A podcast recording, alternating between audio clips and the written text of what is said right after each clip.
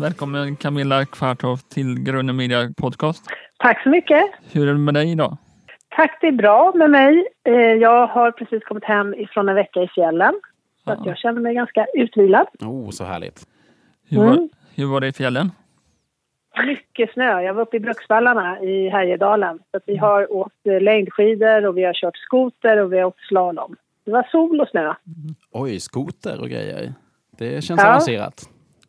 Fast Ja, jag, första, gången, första gången jag körde skoter var faktiskt hos polisen i Hemavan för några år sedan. Då var vi där Mhm. uppe och tittade på hur de jobbar. Och då fick jag testa att köra första gången. Så det här var andra gången i mitt liv. Så gjorde- jag var inte... Ja, Ja, det var eh, som ett reportage i Veckans brott då, eller? ja det var det. Men nu var det semester, körde vi själva Är det istället. roligt att vara på program, programledare i Veckans brott? Hur det har varit att vara programledare i Veckans brott, eh, det har varit jättekul. Det har varit det roligaste jobbet jag har haft nog nästan i, under min karriär. Jag har jobbat i åtta år och sänt 160 program. Och eh, det som har varit roligt är ju att, att vara programledare naturligtvis och, och eh, att få intervjua Leif. Det har varit Mm. väldigt spännande och kul. Och sen har jag också gjort en massa reportage och varit ute och hängt med och sett hur polisen jobbar och så. Så det har varit väldigt spännande. Ja, du, du pratar om att eh, jobba med Leif där. Jag, har ju hört att han inte har något manus eh, när ni sitter i studion och sånt där. Eh, stämmer det? Ja, nej det har han ju inte. Han, Nej. är ju, han är ju liksom experten. Ja. Eh, så att han har inget manus och jag har ju egentligen inte heller något manus. Eh, om jag tittar på programmet så ser ni att jag står ju inte och, och håller i några manuslappar så utan jag har ju liksom repat in kan man säga mina påannonser så att jag kan dem utan till och sen så har, vet jag ju vad, vilka frågor, jag har gått igenom vilka frågor vi ska ställa också sådär med mig själv. Ja. Men jag och Leif har ju inte repeterat innan utan eh, han, eh, han har ju sitt underlag och, och eh, han har ju lite research som han utgår ifrån och sen så eh, hans egna liksom, erfarenheter och kunskaper och jag eh, har tillsammans med redaktören jobbat mycket med vilka frågor som ska ställas och, Ja, och sådär. Och, ja. Jag får ju lite grann in, intrycket att eh, det kan vara lite svårt att hålla koll på honom ibland. Eh, det känns lite som att en del av din uppgift är liksom att göra honom presentabel för tv om man kan säga så. Jag vet inte riktigt hur man ska uttrycka det. Nej, alltså... Eh, jag brukar säga så här, jag brukar, gör ju också väldigt mycket intervjuer med politiker och eh, Leif är ju, överraskar ju mig mer än vad politiker gör.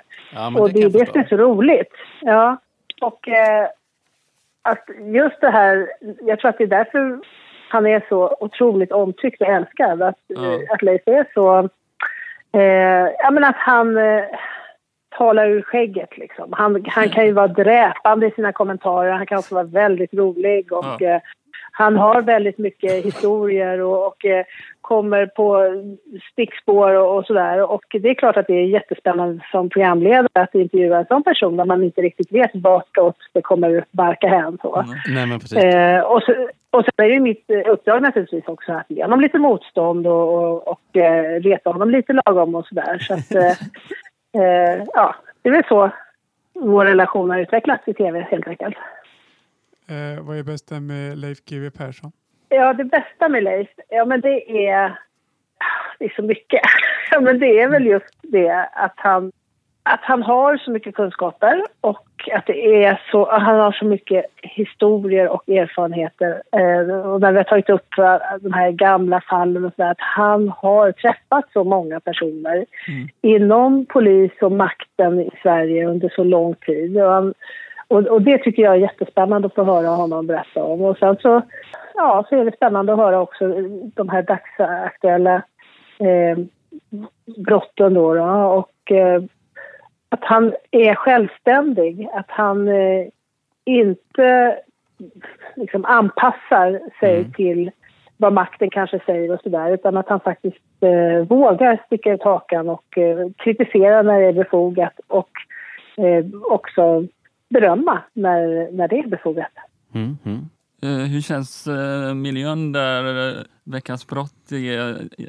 Hur det känns i studion, miljön. Ja, Ja, det är jättemysigt tycker jag.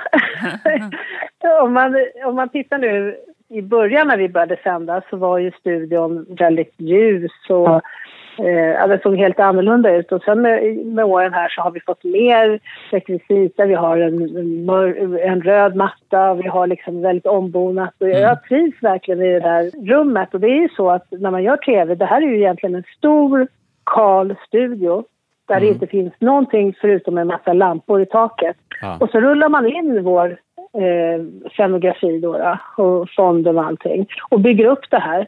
Ja. Eh, och det är verkligen ett mysigt rum. Och sen så, så rullar man ut när vi är klara och sen rullar man in eh, Skavlans eh, stolar och eh, publik... Eh, och anordningar och sånt där. Och sen så rullar man ut det och så är det dags för Agendas bord och... och så att det, det är man byter ju hela tiden scenografi i den här studion.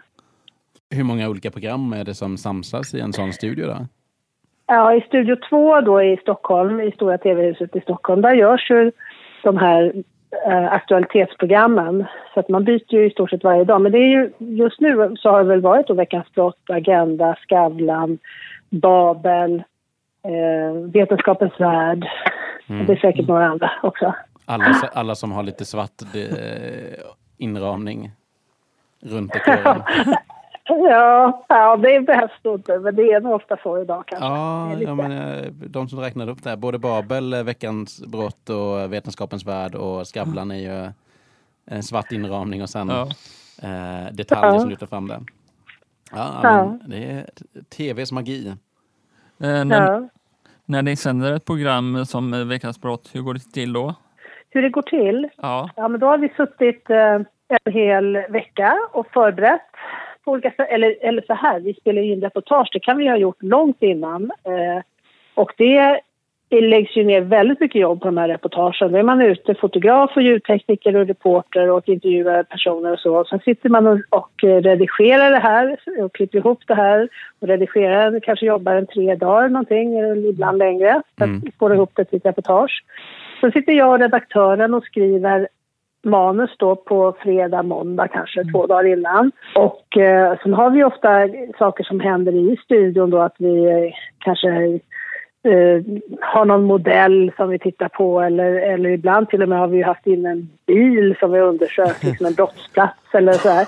Och då, då har vi ju kollegor som håller på och lånar in de här sakerna och planerar hur det ska se ut i studion och så. Så det är, det är mycket sånt. Och så skriver vi ut eh, kartor och bilder och såna saker. ja. Och sen så lär jag mig det här manuset utan till kvällen innan. Då sitter jag och, eh, och repeterar in det.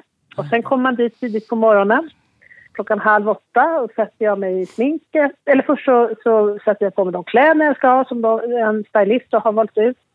Sen sitter jag i sminket och sen har vi repetition. Och då har inte Leif kommit än utan då då är det repetition för de som, med ljuset då, och med, för kamerorna. Och för mig, vart jag ska, vilka kameror jag ska titta i när det är olika påannonser. Ja, just det. För det märks ju Eh. att, att du har lite bättre koll på vilka kameror som ska tittas in i Ja. än vad Leif har. Ja, ja. Och då, så då tränar liksom hela... Det är ju tre fotografer då med, med kameror och eh, bildproducent och så, och så ljuset som sagt. Så det, är, det är rätt mycket jobb där att förbereda det så att det blir snyggt. Liksom. Sen är det fikapaus och, och då kommer Leif och då går han in i sminket och så hinner vi prata lite grann innan och sen drar vi igång. Så spelar vi in då mellan halv eh, elva och halv tolv ungefär. Och sen klipps det lite grann. Det är ju nästan som om det vore direktsändning, men det Mm. kortas lite grann. Och så sänds det ut på kvällen. Spännande. Så så går det till. Mm. Har ni några nya projekt på gång efter Veckans brott och eh, vad i så fall? Ja, Leif han eh, ska ju nu börja jobba, på, eller jobbar ju på TV4 nu istället då. Ja.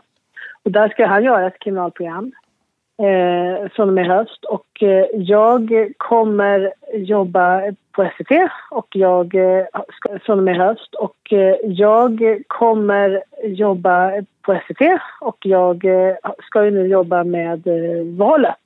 Så att jag ska göra partiledarutfrågningarna inför valet. Oj, det är en stor uppgift. Ja, det är en hedrande och stor och viktig uppgift naturligtvis. Det är jag och en kollega, Anders Holmberg, som jag jobbar med Ja, tillsammans just det, på. Agenda. Då, då. Mm. Så vi som ska göra det. Så jag, jag kommer sända en partiledardebatt här nu om några veckor och eh, sen kommer vi sätta oss och börja läsa på helt enkelt. Så jag kommer plugga hela sommaren vara i Ja. Almedalen och lyssna på partiledarna och sitta och skriva frågor och så här. Och sen blir det, blir det väldigt eh, tufft schema då, då i slutet av augusti inför valet. Ja. Och så är det slutdebatter och, och så där. Vem, Jag gissar att du har träffat och intervjuat i princip alla partiledarna vid tidigare tillfällen, eller? Ja, jo det har jag gjort. Och jag har ju sänt flera såna här stora partiledardebatter och där träffar man dem ju allihopa på en gång. Ja. vem ska bli den spännande, spännande politikern att intervjua i program? Vilken som är mest spännande? Ja, ja, det, kan jag ju knappast säga. Jag är, är, men däremot så, ja vad ska jag säga, jag, det är klart att det är spännande att intervjua makthavare. Ja. Sen är det rätt svårt också, för att de har ju sin, sin agenda, det de vill få sagt. Och eh, det kan vara svårt i direktsändning då att, att verkligen få svar på sina frågor. Men eh, det, det är det vi jobbar mycket med, hur, hur man ska ställa frågor och hur man ska göra för att faktiskt få de svar man, man hoppas Ja. ja, att de ska kunna leverera. Vi eh, intervjuade Jonas Sjöstedt för väldigt länge sedan eh, och då ställde vi frågan vem i oppositionen eller motståndarsidan som han tyckte var trevligast och då sa han att Göran Hägglund var eh, den han tyckte om att prata och umgås med för de kunde prata fotboll i alla fall. Ja. mm. Det är lite hur, hur tar du an en sån uppgift så att eh, intervjua alla partiledare och så? För det är ju, ett, det är ju en stor, stor grej ändå. Tänker jag, att lyfta fram eh, viktiga grejer och eh, få ställa folk till svar på det sättet. ja, och det man ska inför ett val så det vi ska göra här är ju att naturligtvis då ställa frågor om, de, om det som just det här partiet tycker är viktigt i, inför valet. Liksom de frågorna de själva driver. Det är klart att vi ska ställa frågor om det. Eh, vi ska ju hela tiden ha väljarnas perspektiv. Vad vill väljaren få svar på? Och då, då kommer vi ställa frågor om de viktigaste frågorna som vi vet att väljarna tycker är viktigast. Det finns ju massa sådana undersökningar. Ja. Nu handlar det bland annat om, om sjukvården och kriminaliteten, integrationen och så. Eh, och sen så ska vi naturligtvis ställa frågor till, till de olika partierna utifrån vad partierna då har som, som hjärtefrågor. Eh, och det är därför man måste läsa på ordentligt och se eh, vad, vad det är de själva driver och var svagheterna finns också naturligtvis. Ja. Vi har liksom ett granskande perspektiv på det. Kan du känna att det blir att en del partier får styra samtalsämnena och klimatet för mycket? Nej, alltså inför det vi ska göra nu inför valet så kommer de inte kunna göra det. Vi kommer ju ha en timme med varje parti. Liksom. Ja. Men eh, det är klart att det, det där går ju i vågor. Eh, att det vissa partier tjänar mer på att det är en viss fråga som debatteras, Mm. helt enkelt. Och, och det försöker partierna hela tiden få makten över dagordningen. Att deras frågor, det de tjänar på, att det är det som ska debatteras i medierna. Eh, och, och slår man ut det över tid så kanske det blir någorlunda rättvist. Men det, det där kan jag tänka mig att det där tycker ju partierna hela tiden kämpar de för, liksom, att få upp sin, sin fråga. Eh, när politikerna blir intervjuade, får de frågorna i förväg eller hur går det till då? Nej, de får inga frågor i förväg. och, det, och jag tycker att man eh, överhuvudtaget så är det inget man behöver egentligen ge den man ska intervjua. Man kan, Nej. däremot så ska man ju bjuda in på en frågeställning och Ja. det, det får ju politikerna. Vi vill diskutera eh, åtgärder mot arbetslösheten och vi vill framförallt prata om den här frågan. Liksom. Så, så är det ju naturligtvis. Och eh, vi bjuder också in, vi vill, ha, vi vill göra en, en enskild intervju med dig eller vi vill ha en debatt Mm. mellan dig och den här personen. Så det är klart att förutsättningarna för intervjun måste ju vara väldigt tydliga och, och vill man ändra de förutsättningarna måste man ju informera om det. Men, eh, men vilka frågor man ska ställa, det, det berättar vi ju inte innan. Fast det, det, är- å andra sidan så, så förstår ju oftast politikerna vad man kommer ställa för frågor naturligtvis. Ja. De är ju Ja. väldigt rutinerade på det sättet. Ja. ja, ja. Om du inte vore programledare, vad skulle du vara då? Oj, svår fråga. Jag tycker att jag har världens roligaste jobb. Ja. Jag har jobbat nu som journalist i 25 år och jag har nästan hela tiden jobbat som programledare på radion och på tv. Mm. Och eh, ja, vad skulle det vara? Jag vet inte riktigt. En gång i tiden ville jag ju bli skådespelare. Ja. Men eh, det vill jag nog inte nu. Eh, jag, har ju, jag har ju verkligen studerat polisarbetet Ja. och då skulle jag, om man- jag skulle göra någonting där så skulle jag nog gärna jobba just som utredare i så fall. Mm. Det finns ju många, lik, ja, men det finns många likheter med att vara journalist. Att liksom vara nyfiken och försöka förstå och lägga ett pussel och, och sådär. Och, och det är ju, jag gillar ju att titta på kriminalserier och sånt där och läsa deckare. Det är ju spännande att försöka lösa gåtor. Och man måste vara noggrann och nyfiken och där känner jag att det, det har jag ju. Så att det skulle kanske vara något. Mm. Kanske bli polis. Inte polis, uniformerad polis och så, utan snarare då att försöka att jobba med utredningar helt enkelt. Utreda brott. Ja.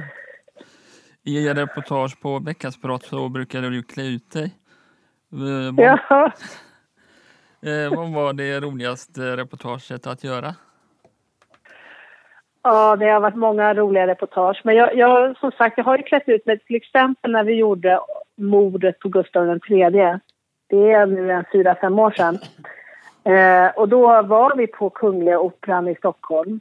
Just det. Och vi hade med eh, eh, Gustavianska föreningen som, eh, ja, som träffas och just i syr gustavianska kläder och, och, och sådär. Så att de hade ju alla sina fina kläder och jag hade eh, tidsenliga kläder och gå runt där. Det var jätte, jätteroligt naturligtvis. Var det Ankarström hette han som blev Ja, just det. Ja, nej, men det hette han ju. Ja. Ja. Just det. Eh, det en knapp mm, eller något sånt? Nej, hur var Eh, det? Ja, maskeradbal Ja, va? det var maskeradbalen och eh, det var ju en sammanställning. Så det var ju adelsmännen som var eh, upprörda över att kungen hade eh, ja, tagit så mycket makt ifrån dem helt enkelt. Så att eh, de bestämde sig för att eh, kungen skulle dö och han blev, kungen blev ju skjuten bakifrån här för mig på nära håll. Och eh, eh, han blev skadad och han fördes ut till slottet och låg där eh, och vårdades ett antal dygn innan han dog. Men eh, polismästaren då, som jag inte, hade inte han någon sparre eller något sånt där, han, eh, han lyckades i alla fall eh, eh, hitta var man hade fått vapnet ifrån helt enkelt. Och på så sätt så hittade han ju Mhm. gärningsmannen.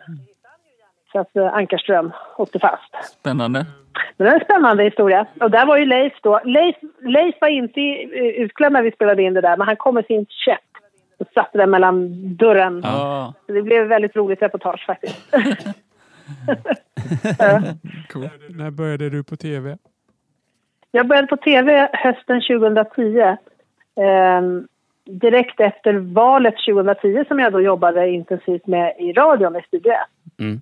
Så att eh, dagen efter valdagen i september då, 2010 så började jag på tv. Och så började vi sända Veckans brott i oktober 2010.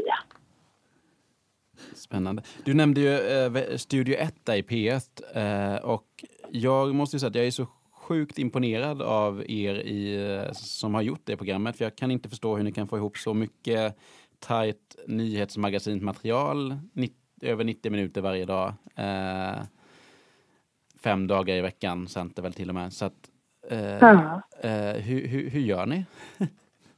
Ja, det är bra jobbat där. Men men det är ju, det är ju inte en jättestor redaktion heller. Och, eh, det finns ju då, man planerar ju, det finns ju intake som planerar framåt och vet Ja. precis då vad som händer, de stora nyheterna och det ska vara olika, eh, olika utredningar presenteras och, och, och så vidare. Mm. Och sen så planerar man med reportrarna då att man, man gör reportage och intervjuar personer som är aktuella framåt i, i tiden då. Och sen så har man ett, på morgonen några ytor som man inte har fyllt. Liksom. Så man på dagen då har man morgonmöte och så säger man okej, vad är dagens stora nyhet idag och vad har hänt och vad har ni läst i tidningarna och vad är det vi ska följa upp för någonting. Och så, och så har man några researchers som hjälper till att ringa in gäster under dagen. Så Ja. att ibland är det ju inte klart förrän precis innan man går ut i sändning i stort sett. Nej, Och ni, dessutom kan det ju vara så att det händer saker väldigt sent på eftermiddagen så att man får kasta ut saker och ringa in nya gäster under sändning i stort sett. Så att det är ju verkligen aktuellt, det programmet. Ja, det, eh, jag lyssnade nu förra veckan när det var hela den här med avhoppen från Svenska Akademin och sånt och blev ju eh, väldigt imponerad av att ni bara några timmar efteråt eh, ändå hade folk som var där och kunde uttala sig och det känns som att det är, så är det ju hela tiden. Ni är så himla snabba. Ja. Eller ja, nu jobbar ju inte du där just nu. Nej, nu jobbar inte jag där. Nu kan inte jag ta åt, ta åt mig av det. Men jag, Men, vi är gamla kollegor. ja, Och det, och det är ju det som är roligt när man är journalist också, när det händer saker. Då, Mm. då, liksom, då vill man ju få med det där. Så att alla jobbar hårt liksom. Ja, Mm. men det måste nästan vara bland det mest intensiva för er. Det är ju, ni är ju några steg djupare än ett, eh, ett reportage i Ekot till exempel. Eh, tänker Ja. jag. Alltså att ni, det är ändå lite mer analyserande och tar ja, men, två, tre steg längre eh, Ja. på så kort tid. Det är, ja, jag är imponerad. Ja, Men det måste vara en otrolig kick för att jobba i det hastiga nyhetsflödet och lyckas med grejerna, eller? jo, det är det. Det är väl det som är, man känner den där nyhetsnerven. Jag är ju ingen nyhetsmänniska så egentligen. Jag gillar ju just den här fördjupande journalistiken och eh, debatten och, och, och så. Men, men eh, när det händer sådär, alltså där, därför är det ju roligt med program som Studie 1 och, även P1 Morgon och Aktuellt och, och Agenda då som jag jobbar på nu. Mm. Att, att man får det är aktuella viktiga frågor och man, man kan känna verkligen nyhetsnerven. Och sen så är det lite jakt där att man konkurrerar med sina kollegor då. um, Att hitta de bästa gästerna och komma ett steg längre och, och fördjupa det här på ett riktigt bra sätt. Liksom. Så att, eh, det är jättekul. Absolut. Härligt. Eh, gillar du kriminalserier på tv? Har du någon favorit, favoritdeckare? Ja, jag gillar kriminalserier på tv. Det är väl egentligen det jag tittar Jag tittar på nyheter och Agenda och så. Men annars så, så är det, är det kriminalserier. På. Jag hinner inte titta på så mycket annat. Eh, och ja, vad ska jag säga? Bron som gick nu gillade jag. Mm. Eh, jag var väldigt förtjust i en dansk serie som gick, det är ju rätt många år sedan nu, Brottet. Jag tycker jag var fantastiskt spännande.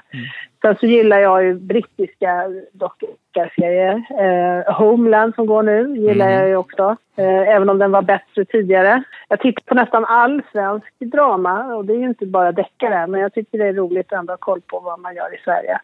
Och så, så att, eh, ja. Ja, det låter som att du var väldigt bra koll där. Eh, Men eh, då måste jag fråga dig, vad gjorde du natten den 28 februari 1986? Då var jag på skidsemester i Sankt Anton. Jag eh, gick i gymnasiet. Vi var där några gymnasiekompisar och åkte skidor.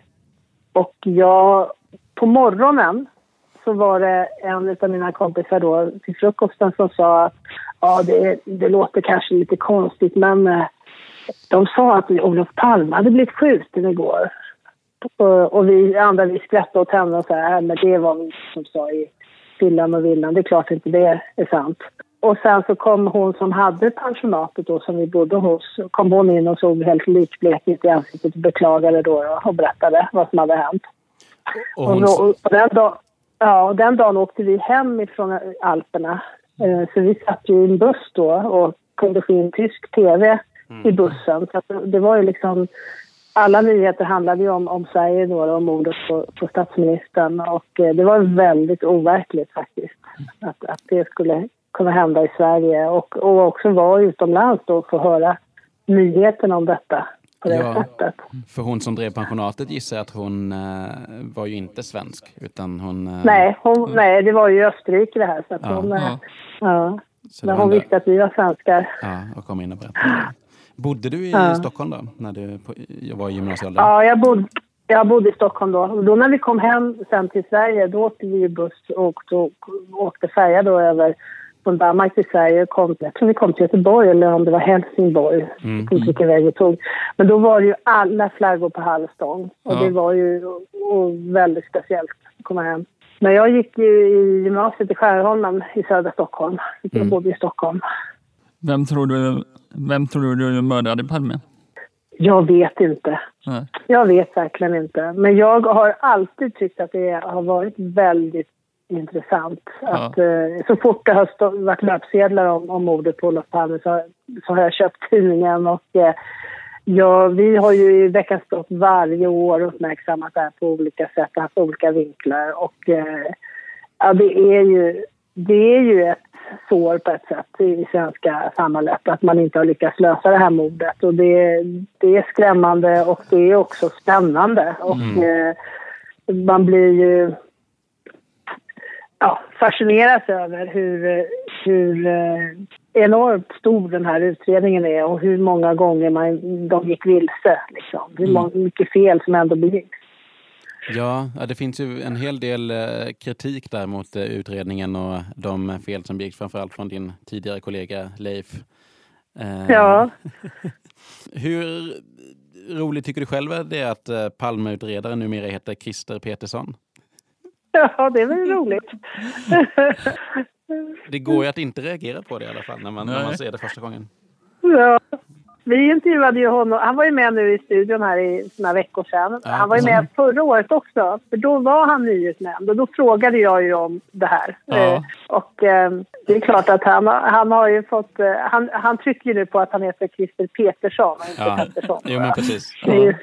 Ja, Men han lär ju också ha fått det uppmärksammat mer än en gång kan man tänka sig. ja, precis. Ja.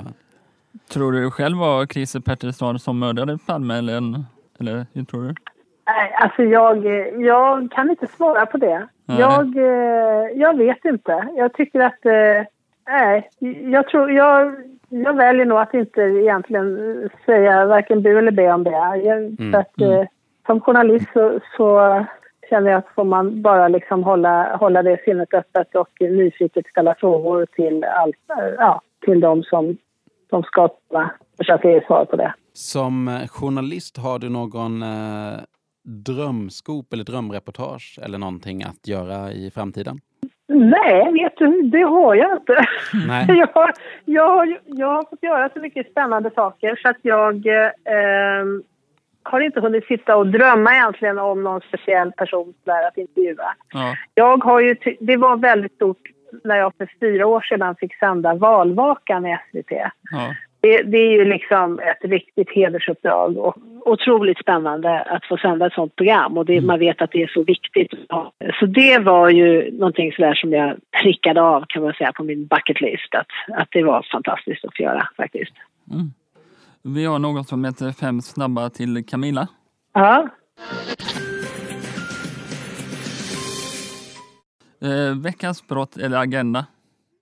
det kan jag faktiskt inte välja. Det, har varit, det är så roligt både och, och just att jag får göra båda programmen som skiljer sig åt en hel del ändå gör att det blir extra kul. Så jag kan inte välja på det, tyvärr.